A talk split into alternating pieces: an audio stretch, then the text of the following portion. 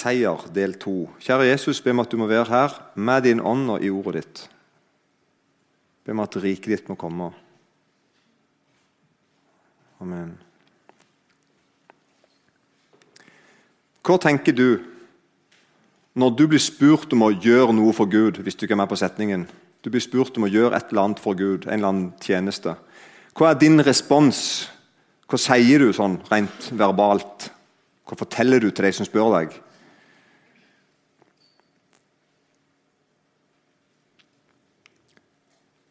Jeg er så svak eller noe i den duren er det ganske mange som sier når de blir bedt om å gjøre et eller annet for Gud. Eller 'jeg føler ikke at jeg strekker til', eller underforstått jeg tror det er noen andre, Du skulle heller spurt noen andre enn akkurat meg. på en måte. Sånn opplever jeg ganske mange svarer og tenker. Særlig godt voksne tenker jeg på nå kanskje mest. Og På en måte kan sånne svar som det der på en måte vitne om sånn åndelig sjølinnsikt. Det kan jo være faktisk at du er totalt ubrukelig, og at det er helt sant, det du sier.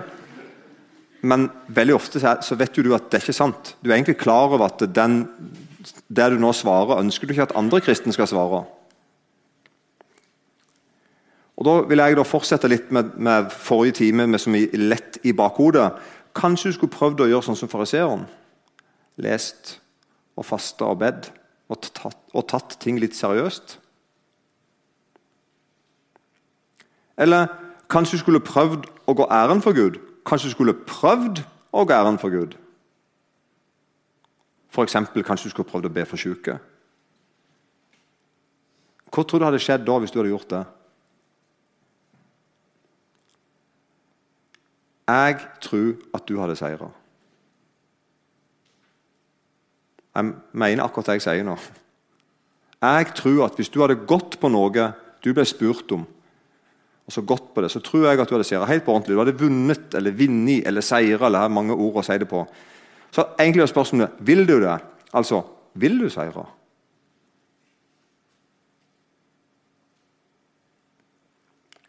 Kanskje et rart spørsmål, men det er ikke så rart spørsmål. I Johannes 10 og vers 9 og 10, Johannes 10, da sier, kaller Jesus seg for en rar ting. Han sier faktisk 'Jeg er døren'. Om noen går inn gjennom meg, skal han bli frelst. Og han skal gå inn og gå ut og finne føde. Og Så legger han til tyven kommer for å bare Tyven kommer bare for å stjele og myrde og ødelegge. Jeg er kommet for at de skal ha liv og ha overflod. Jesus er ei dør, og jeg og deg skal gå inn den døra. Vi må gå inn den døra, hvis ikke så blir ikke jeg frelst, sier Jesus.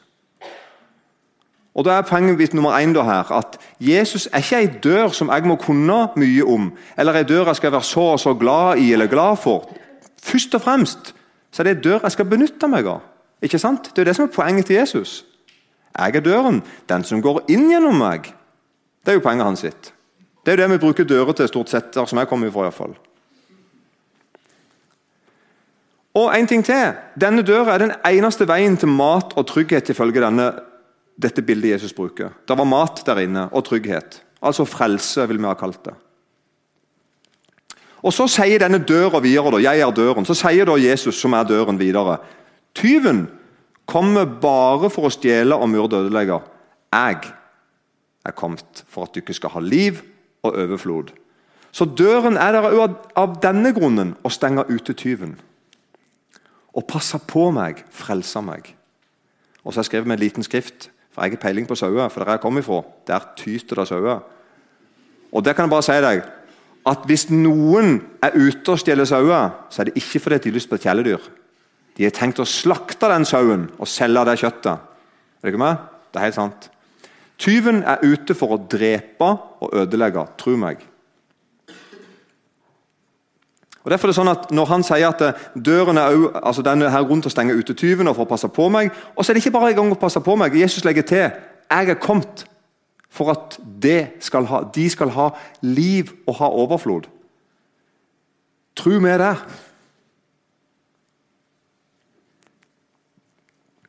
Jesus har så mange motløse stridsmenn. De kjemper, men taper. Taper gang på gang. Og den som taper krigen, har lett for å bli motløs. Og det er flere gledeløse og håpløse kristne enn vi aner. For de daglige småtrefningene, sånn, de daglige småkonfliktene i krigen vår er egentlig de avgjørende trefningene i enhver kristens liv. Vil du kampen? Dette spør Ole Hallesby for 90 år siden. Vil du virkelig dine gamle syndevaner til livs? Altså, Ønsker du at syndene dine skal dø, liksom? Eller er du, er du litt glad i dem? Fører du en kamp på liv og død? Føler du synden som en fiende? Ikke bare følgene av synden, men selve det å gjøre Gud imot. Kjenner du at det er som å stikke han i hans hjerte når du synder? Tror du på seier? Ja, vil du seire? Tenk nå på dine syndevaner som du kjemper imot. Du er kanskje hissig, eller du er gretten og tverr. Eller egenrådig og maktsyk, eller misunnelig og baktalende. Eller havesyk, altså syk på at 'jeg må ha, bare må ha'. Eller pengegrisk. Eller full av uren lyst og urene fantasier. Vil du virkelig bekjempe dem? Eller vil du helst kjempe og tape?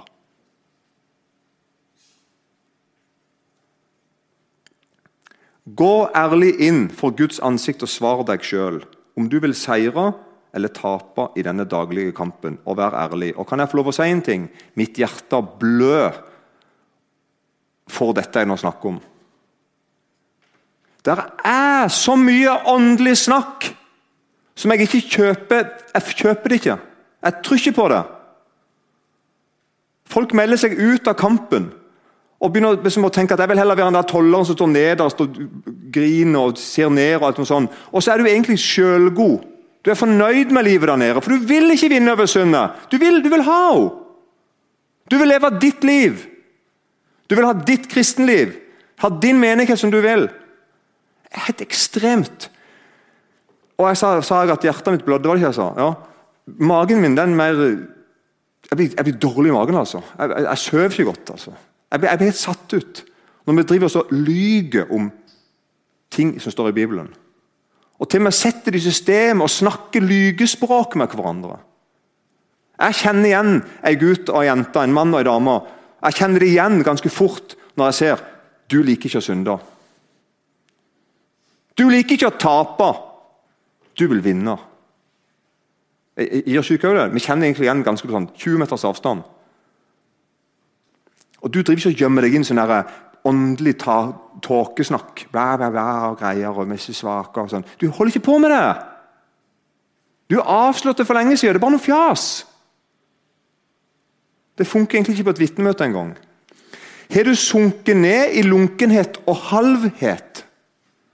Så, du lenger, så det ikke lenger på en måte, du brenner deg ikke lenger på synden. Du kan holde hånda på lenge, liksom. Gjør ingenting, egentlig. Hvis du har det sånn, kan ikke du bare si det til din frelser? Kan du ikke bare her og nå si at jeg, jeg er ikke heil, Jesus. Jeg jukser. Og jeg har sagt til meg åndelige ord på det, så det høres til meg bra ut. Liggende på kristendom. Jeg bruker eksempler fra Bibelen og framstiller meg sjøl sånn og sånn. Det funker. Jeg lurer til meg et par av de rundt meg. Nesten meg sjøl òg av og til. Kan du ikke bare si det til Jesus og si at jeg vil, jeg vil slutte med dette her? Jeg vil leve ordentlig. Jeg si en ting? Jesus Kristus elsker sånne som deg. Han sier, 'Kom, kom til meg'. Og han sier, 'Jeg vil gi deg liv, og jeg vil gi deg overflod'. Du skjønner hva det ordet betyr? Det betyr akkurat det du tror det betyr. Det er som du sier, 'Dette var rent for mye', så mye er det. Og så litt det. Overflod. Skal jeg få alt dette her? Det er det Jesus sier. Og Derfor skal jeg lansere et ord. Jeg er litt sånn attitude. Jeg liker ikke det ordet. Jeg vet ikke hvorfor, det er bare gøy å si det. Men det er jo, Egentlig er det bare et engelsk ord for holdning, tror jeg. Men det er bare Holdning høres så kjedelig ut. Holdningskampanje altså, høres så kjedelig ut. Jeg liker Attitude det er gøy å si. Attitude. Jeg, synes jeg liker det ordet. Attitude. Så det har jeg begynt å si, da. Det er sånn, Når vi begynner å bli 50-årene, så er det litt gøy med å kunne ha et engelsk uttrykk. Men, eh, men det men det, Jeg liker veldig godt ord. Jeg bruker det i mange setninger. Og, og jeg, og jeg skikkelig liker det. Og Egentlig betyr det vel kort og godt en holdning. altså Holdningene dine. Hvordan du, hvordan, du, på en måte møter ting, hvordan du responderer på ting, hvordan du tenker om ting. ikke sant? Og Når du leser Bibelen, så er attitude viktig. Tror du det du leser? Når du for leser om at Jesus vil gi deg liv og overflod, hvordan responderer vi på det? Sant? Sånn? Ja, hvordan, hvordan, responderer vi på sånt? Sant? Og Derfor er det sånn at amen er en gudgitt attitude. Dette er min setning, siter meg på den. Jeg tror det, en, jeg tror det holder teologisk mål. som du røker. Amen er en gudgitt attitude. Det er en gudgitt holdning. Det er Gud som har lært dere å si amen. Det er Jesus Kristus lærte dere å be til Gud, til far. Og han lærte dere å si amen. Og Amen betyr på en måte ja, eller det betyr på la det skje, eller det er sant. Det er det det betyr. Og Det vil Jesus at når vi ber, så skal vi si å, sånn blir det. liksom. Og så sier mange andre plasser og menigheten sa, og så sier hele menigheten amen. Det er noe annet ikke bra med det. kan du si, ja, Det kan jo alle si. Ja, men du kan si det ikke.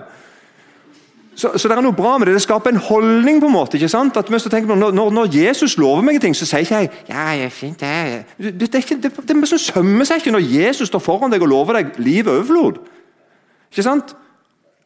Hvis ungene hadde vært sånn på julaften og de fikk presanger, hadde de ikke giddet jetpresang mer. etter hvert, ikke sant? Hvis det var sånn, Skjønner du hva jeg mener? Liksom, ja, du kan skjønne. Og så er jeg et, et utrolig dårlig eksempel, men det, det ble så godt for meg. Hvis du sitter på med meg i min dieselford Jeg har en dieselford, Ford Connect, utrolig bra bil. Kan anbefale den veldig. Eh, reklame for Ford i Mandal. Kjøp bil der. Og Hvis du sitter på med meg, så vil du oppleve etter hvert hvis vi kjører en stund, at jeg stopper, og så har jeg et hull bak på bilen som jeg fyller på med noen ting. Det vil du oppleve hvis du sitter på med meg. At jeg går, stopper, så fyller jeg opp det, i det hullet fyller opp bilen. Og Når jeg kommer inn igjen i bilen, så kommer jeg ikke til å si til deg Ja, ja, nå har jeg fylt på noe drivstoff. Nå får vi se om om det virker og om det holder. Du, vet, du vil aldri høre meg si det. Kanskje hvis jeg hadde hatt en Renault, da hadde jeg sagt det. Men jeg, skjønner ikke? Altså, jeg, jeg, jeg, jeg, sier ikke sånn. Jeg kommer ikke til å kommentere mitt forhold til diesel, min tro på drivstoff. Ingenting. Mitt amen er at jeg vrir rundt nøkkelen og kjører ut på E39 igjen. Er du ikke med på den? Det er mitt amen. Det er ikke han som teller. Glem snakket ditt, Asbjørn. Hvis jeg hadde sittet på YX og holdt et foredrag for deg en halv time om at jeg hadde tro på diesel sant? Hadde noen bry hørt på det? Ja, kanskje noen, som har utrolig lite å gjøre. En og annen. Hvis jeg har fått noe kaffe og kringle i mellomtida. Men ikke ellers. Så Det er bare én måte du ikke ser det på. Han vrei rundt nøkkelen og kjørte igjen. Sant? Vil du seire? Ja. Amen. Er det en seier? Ja, det er en seier. Er det en seier for meg? Ja, det er en haug med seire for deg. Det er overflod. Jeg tuller ikke, det er overflod. Bibelen snakker om den som seirer. Og jeg skal bare sånn kjempe, kjempe megakort bare ta de der, Nå har jeg fortalt om to av brevene sant, i Johans åpenbaring 3. Og to og tre. Og Jeg skal bare ta helt kort bare vise en ting. For alle brevene, alle de sju brevene har med en Helt nest sist så står det 'den som seirer'. Så Til menigheten i Efesus så sier Jesus en del ting først, og så slutter han med 'Den som seirer, ham vil jeg gi og ete av livets tre, som er i Guds paradis'. Han gir et løfte til menigheten i Efesus. At de av dere i menigheten som seirer, dere skal i dette tilfellet ete av livets tre, som er i Guds paradis. Høres ganske bra ut, gjør ikke det? Det lover han de. Men hvis du leser innledningen på brevet, så forteller han 'Jeg har imot deg at du har forlatt din første kjærlighet'. Husk derfor hvor du er falt fra. Omvend deg og gjør de første gjerningene. Jesus tilbyr seier til en menighet der ikke alt er på stell. Og sier at til dere den menigheten som da omvender dere og tar imot den første, kommer tilbake til den første kjærligheten, så skal jeg gi dere i dette tilfellet dere skal få lov til å ete livets tre, som er Guds paradis. Til menigheten i Smørna så sier Jesus den som seirer, skal slett ikke rammes av den annen død, dvs. Si en evig død. Du skal ikke gå fortapt, du som seirer. Det lover Jesus til menigheten i Smurna, Som er en menighet som egentlig ikke får så veldig mye kritikk, men de har det utrolig kjipt. De er altså 'Jeg vet om din trengsel og din fattigdom, men du er rik'. Og om spotten fra dem som sier de er jøder, men ikke er det, men er Satans synagoge. Frykt ikke for det du skal lide. Men det skulle de altså. Lide skulle de. Allikevel løftet, den som seirer, skal slett ikke rammes av den andre død. Eller menigheten i Pergamum, Johannes 2, 17, åpenbaring 17. Den som seirer, han vil jeg gi den, av den skjulte manna. Og jeg vil gi ham en hvit stein, og på steinen et nytt navn, skrevet som ingen kjenner uten den som får det. Jeg vet ikke så glad jeg hadde blitt for en hvit stein. Helt til jeg las hva den steinen betydde. Det er en slags diplom. Det er en slags gullmedalje i olympiske leker. Du skal få, du skal få førstepremie, liksom. Du skal få en diplom. Du skal bli hedra. Du skal vinne. Du skal ete den skjulte manna. Allikevel, denne menigheten i Pergamum, der er det noen som holder fast ved Biliams lære. Han som lærte Balak å legge anstøt for Israels barn og ete avgudsoffer og drive hor. Og han, det er enda mer òg. han sier 'omvend deg, ellers så kommer jeg snart over deg' og vil kjempe mot dem med min munns sverd. Allikevel, noen i menigheten seirer. Og til deg så lover Jesus noe. Dette er et poeng. ikke sant? At Jeg kan ikke si ja, ja, nå er jeg i sånn og sånn menighet, nå er jeg i sånn og sånn miljø, så jeg kan dessverre ikke seire. Jo, det kan du. Eller i Tyatira, Johannes' åpenbaring 2,26.: Den som seirer, og som tar vare på mine gjerninger inntil enden, ham vil jeg gi makt over folkeslagene. Et enormt løfte, som antakeligvis er et løfte i nåtida, ikke bare i evigheten. Han skal styre dem med jernstav og knuse dem som leirkar, slik som også jeg har fått det av min far. Og jeg vil gi ham morgenstjernen. Og Dette er en menighet som sier at de tåler kvinnen Jesabel, hun som sier at hun er en profetinne, og som lærer å forføre mine tjenere til å drive hor og ete avgudsoffer. Men noen i den menigheten seirer. Eller menigheten i Sardes. En menighet som Jesus sier du har navn av at du lever, men du er død. Dette var en menighet som hadde godt rykte. Men Jesus sier du er død. Våkn opp og styrk det andre som var i ferd med å dø. Allikevel, løftet er den som seirer, skal på samme vis bli kledd i hvite klær. Jeg skal så visst ikke utslette hans navn av livets bok, og jeg vil kjennes ved hans navn for min far og for hans engler. Du er navnet ditt skrevet i livets bok. I denne menigheten her. Og Så kommer da menigheten i Philadelphia, som vi akkurat som jeg har hatt litt om før. Den som seirer, han vil jeg gjøre til en støtte i min Guds tempel. Det høres utrolig bra ut. Ser ikke helt for meg, men det høres bra ut. Og han skal aldri mer gå ut derfra. Og jeg vil skrive på ham min Guds navn og navnet på min Guds by, det nye Jerusalem, som kommer ned fra himmelen fra min Gud, og mitt eget navn, det nye. Dette var en menighet som hadde liten styrke, men dette er altså det løftet Gud gir til dem. Og Så kommer da siste menigheten, som er menigheten i Laudikea. Johannes oppmaring 3,14. Den som seirer, ham vil jeg gi og sitte med meg på min trone. Tenk på det! Du skal få lov til å sitte på sida av han på trona hans, like som jeg òg har seiret og har satt meg med min far på hans trone. Og Dette var det som menigheten der han sa du kan ikke kalle deg ikke varme, du er lunkne. Jeg, ønske, jeg har lyst til å bare spy deg ut av munnen min. Men i den menigheten er det altså noen som seirer. Og Laudikea av alle får et ekstremt bra løfte av Jesus. Den som seirer, altså, vil jeg gi å sitte med meg på min trone. Dette må vi holde fast i. Samme hvem du er, samme hvor familie du kommer ifra, samme hvor miljø du går i, samme hvor dårlig bedehusmiljøet ditt eller kirkemiljøet ditt eller hva det måtte være er rundt deg. Du kan seire, for det er Jesus sagt.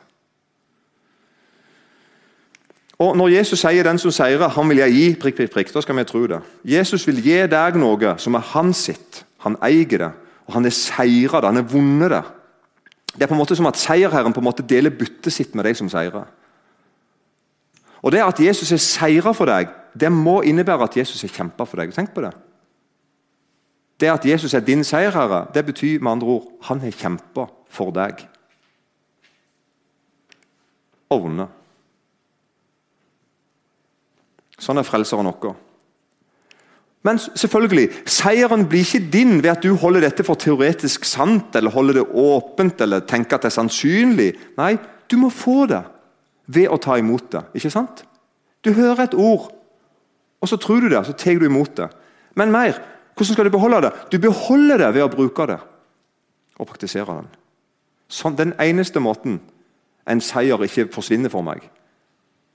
Jeg får seieren, jeg tar imot den, og jeg anvender den. Jeg bruker den, jeg lever i den, kall det hva du vil. Så altså, Vi mister oss sjøl liksom, bort til Kristus.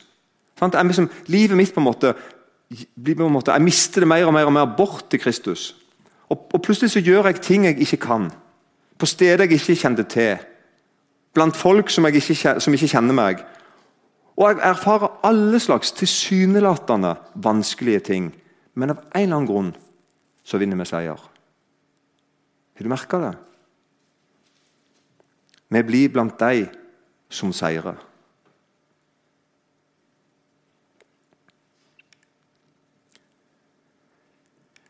Det er noe stort på gang i Vesten akkurat nå. Dette er på en måte den siste tingen jeg vil si, og det ligger veldig på meg. Jeg har vært sånn litt inne på det et par ganger før øh, når jeg forkynner.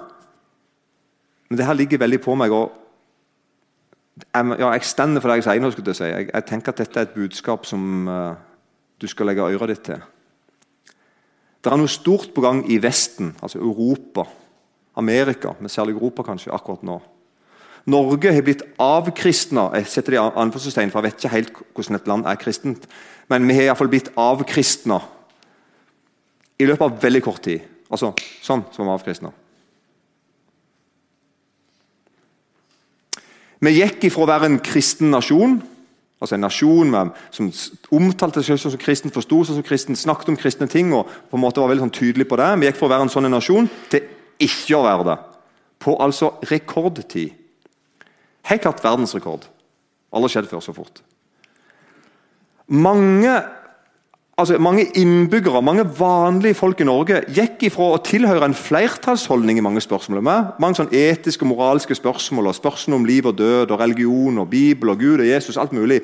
Mange i Norge gikk med som ifra med som være i en stor happy-clappy gjeng. Det var helt normalt det du mente. Du kunne si at ja, de fleste mener jo det og det. kunne være som argumentet ditt da. Til plutselig at det er ikke sånn lenger. Og det der tingene du mente i forrige uke, det er sånn at det er direkte stygt av deg å mene det nå. Dette skal jeg ikke snakke lett om. Mange har det vanskelig. Jeg snakker særlig med studenter, unge studenter i Norge som tar høyere utdanning. har det utrolig tøft i Norge. Det er ekstremt intolerant, ekstremt aktivt motstand mot veldig mange ting som de som hører Jesus til, holder på med og tror på. Så dette snakker jeg ikke lett om. Jeg skal heller ikke snakke lett om at det ser ut som at vi går imot et overvåkningslignende samfunn. Jeg sier lignende for at jeg ikke skal bli tatt for satt at, det er et overvåkningssamfunn, men egentlig mener jeg det. Storebror ser deg. Vi går altså imot et overvåkningslignende samfunn som overkjører alle motstandere av Norges nye religion. I religion. Det som skjer nå, det er akkurat begynt å skje. altså Dette året Staten går inn i sjelesorgrommet sammen med meg og en fyr som jeg snakker med. Et område der det er forbudt for meg å fortelle til noen folk om den samtalen. Det er konfidensielt. Han jeg snakker med, kaller jeg for konfident. Ingen er noe med det. Men staten sier vi skal gå inn og vi vil vite hva du ikke snakker om. Og Vi vil være med på å si på om du er lov til å si det du sier, eller om du må la være å si det du sier. Det er drøyt. Det er så drøyt. Der er vi nå. Staten går inn i sjelesorgrommet, staten går opp på talerstolen hvis du ikke skjønner metaforen, ser på hva vi forkynner, hva vi holder på med, og staten går inn i medlemslistene. Begynner å rasle med sablene om hvis du er med i sånne og sånne ting, så kanskje ikke du skal få lov til å være med på ditt og datt. og Kanskje du må miste noe rettigheter og frynsegoder og alt mulig. Veldig sånn. Og Norges nye religion er så cocky, jeg ikke ber ord for det. De er så ovenpå, de er så høye på seg sjøl at de ikke tenker at det er en religion engang. De bare sier meg som at nei, det, det bare er sånn, liksom. Dette vil jeg altså ikke snakke lett om. Det er ikke det jeg mener. Jeg skal ikke snakke lett om dette. Men jeg skal heller ikke snakke galt om dette. Det er mitt poeng. Nå er tematikken seier. Når bl.a. Human-Etisk Forbund med flere. Men det er på en måte frontapparatet akkurat nå i media. Når Human-Etisk Forbund jobber aktivt for å få bort den siste rest av offentlig kristendom Da tenker jeg på sånn, sånn, sånn skolegudstjenester til jul og, og ting på, som skjer på TV. Nå, Gudstjenester som er sendt på TV på NRK TV, eller feiring av forskjellige høgtider. og sånn. Når Human-Etisk Forbund jobber aktivt for å få vekk den siste rest av dette, da og nå er jeg helt konkret, jeg mener akkurat det jeg sier nå, ikke sånn generelt metaforisk. jeg mener akkurat det jeg sier nå. Når akkurat dette nå skjer, for det skjer akkurat nå, da skal du ikke vite én ting. Det går mot seier. dette går så det griner, rett mot en seier. Jeg er 100% sikker på det, i den grad det går an å være 100% sikker på noe som ikke skjedde ennå. Hele, hele, hele, livet mitt, hele hjertet mitt, hele sjela mi er i dette. For min del. Det vil selvfølgelig bli sånn at De som bare kaller seg kristne, men som ikke er det, de på en måte som lever ugudelige liv og som på en måte fornekter Guds kraft, som bare sånn er et skinn av å være gudfryktig, men ikke er det. Alle, alle, sånne mennesker vil nok slutte å kalle seg kristne. De vil kjenne på det som nå skjer som så ubehagelig at det orker jeg ikke mer. Og, og Da på en måte blir det avdekket at jeg likte å være med i gjengen deres for jeg syntes vi hadde det litt kjekt og litt sånn sosialt. og Kaffen var sånn grei nok. og Det var litt spennende å være med på basar, kanskje. Uh, eller, andre, eller andre gambling-ting. Uh, ikke gamling-ting, men gambling-ting, sa jeg nå altså. Men jeg hører det var en gøy ting der. Ja. De vil nok slutte å kalle seg kristne. Eller i fall slutte å si at de er Jesus sine venner og Jesus sine disipler. Kanskje de vil kalle seg kristne og tenke at det er en ting, grei ting å være. At det på en måte ikke er forbeholdt de som tror på Jesus. Det kan være. Men de vil oppleve det for, for vanskelig å henge med Jesus sine venner framover. Men Jesus sine venner blir tvungen til å satse på andre enn NRK TV eller den offentlige skolen eller historien vår eller arven vår eller verdiene våre, eller sånne, sånne, sånne fine ord som vi brukte i mange år. Altså, Vi må slutte å stole på flertallskraften eller flertallsaksepten. Den herlige tingen å merke at jeg kan si det, så er det med sånn et slags 92% sier ja, enig i det. Vi står igjen på en måte alene, men det gjør vi ikke. Vi har egentlig vært alene hele tida. Vi blir tvungen ut av på en måte den sånn kristne godstol om du vil, og ut på jobb for Jesus. Vi kommer til å bli svake på ordentlig. Vi kommer til å bli små på ordentlig. Du kommer til å føle det akkurat sånn som du tror det er å føle seg liten på ordentlig. Du slutter å si ja, det er så, så. Du blir det. Nå prater vi ikke lenger. Nå gjør vi det. Og Mange av dere jeg snakket til nå, har kjent det for lenge siden. så noe, jeg, jeg, sier ikke noe nytt. Jeg slår, noen, jeg slår, inn, altså, jeg slår inn åpne dører. skulle jeg si. Mange av dere vil si at ja, dette vet jeg, dette vet jeg, dette vet jeg om. Og Derfor er det sånn at Når jeg leser kristne aviser og andre aviser, så kjenner jeg at det, der stiger opp en sånn forunderlig rar takk til Gud for krefter som vil ha bort Jesus fra samfunnet. Og Dette må ikke misforstås. Jeg syns ikke det er gøy at folk ikke liker Jesus. Jeg syns ikke det er fint at folk snakker dritt om det å være kristen. Overhodet ikke. Og jeg ber for de som gjør det. Jeg ber for dere å frelse. Ber for dere gudsforhold.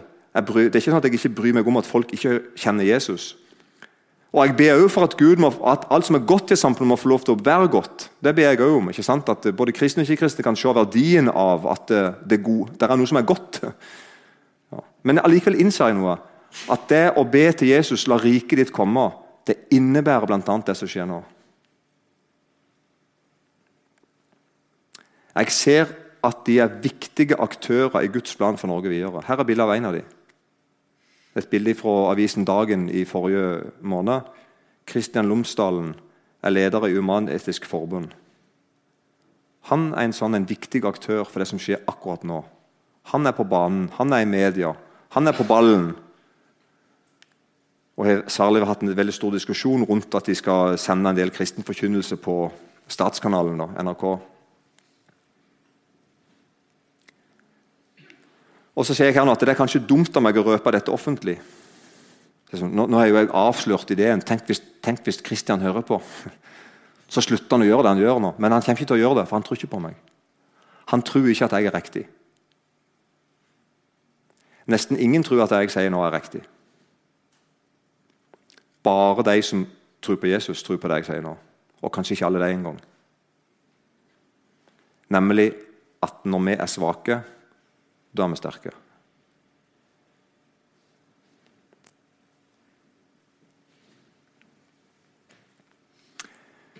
Dette må du som hører Jesus til, holde fast på. Du må holde urokkelig fast på sånne sannheter. Her er en av de beste plassene om dette. 1. Korinter 1,27. Men det dåreaktige i verden, det utvalgte Gud seg for å gjøre de vise til skamme.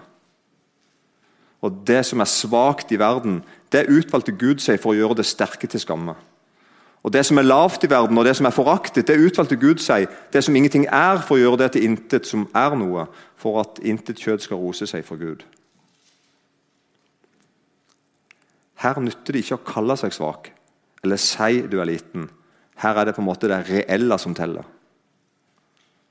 Og Det er akkurat dette prinsippet Jesus deler med sine venner. Jesus går der med sine tolv venner. De har satsa alt på ham, og det begynner å rakne. De begynner å miste, tape terreng. skulle jeg si. Nå begynner til med Jesus å snakke om at han skal dø. Og Når han skal, trøste disiplene sine fortelle om hvorfor han skal dø, så sier han, kommer han med et prinsipp, på en måte, noe som er en dyp sannhet, og som høres helt sånn absurd ut. Bare når det er noe å si, liksom, Jesus. Her står det en tolv venner og griner over at de, at de hører rykte om at du skal dø. Så sier Jesus til dem, Johannes 12, 24, Sannelig, sannelig, sier jeg dere, hvis ikke hvetekornet faller i jorden og dør, da blir det bare det ene kornet. Men hvis det, men hvis det dør, bærer det mye frukt. Den, den, den på en måte en livslov som alle Jesu venner kjenner til. Nummer én Jesus gjorde sånn. Ved å dø så, så brakte han liv til mange. ikke sant? Men vi vet at det betyr noe mer. Vi òg dør. Vi mister oss sjøl. Vi blir små og vi blir svake og blir mer og mer avhengig av Jesus. Og så vet vi at det er sånn det fungerer. Det er en lovmessighet i Guds rike. Og derfor er det sånn at Hele den religiøse og politiske verden gikk på tidenes smell for ca. 2000 år siden. Jesus sin død ble selve seieren. Så I 2000 år har vi gått rundt med sånn et avstraffelses, uh, henrettelsesvåpen på halsen vår, på byggene våre, i flagget rundt forbi. og liksom sånn, yeah, sant? Det er veldig rart, egentlig, men det er fordi at den døden, det der, det der forakte måten å dø på, det var den verste måten å dø på ever, det Jesus gjorde. Det var, det var for en vond måte å dø på, rent fysisk, men òg en sånn en spottende måte. Det var de verste av de verste som døde på den måten. Dø litt hver dag i noen dager offentlig. Folk kan stå og se på deg mens du dør. Sånn døde Jesus. Men det ble altså tidenes seier. Ikke sant? Så vi kan gå med det der eh, henrettelsesvåpenet og liksom holde det opp og si halleluja. Det viste seg at nettopp det å forfølge og forsure og true Jesu venner gir vekst i Guds rike. Alltid. Alltid. I dag er deler av Guds ord vurdert som ulovlig å praktisere. Og i alle land der Bibelen får trange kår, blir bøkenes bok, altså Bibelen, mer og mer interessant. Og Det gir jo egentlig mening at en stat som ikke lenger respekterer Gud, han vil jo heller ikke at ordene til den guden skal slippe løs i samfunnet. Det er Guds ord som forfølges. Vi takker deg, Jesus, at vi er funnet verdig å lide sammen med deg. Vi takker deg at du kan bruke oss når bare vi er små og hjelpeløse nok til å tro på deg. Og jeg ber deg, Jesus, om å tilgi meg når jeg lyger på meg svakheter for å slippe å følge deg. Du vet at jeg elsker deg. Amen.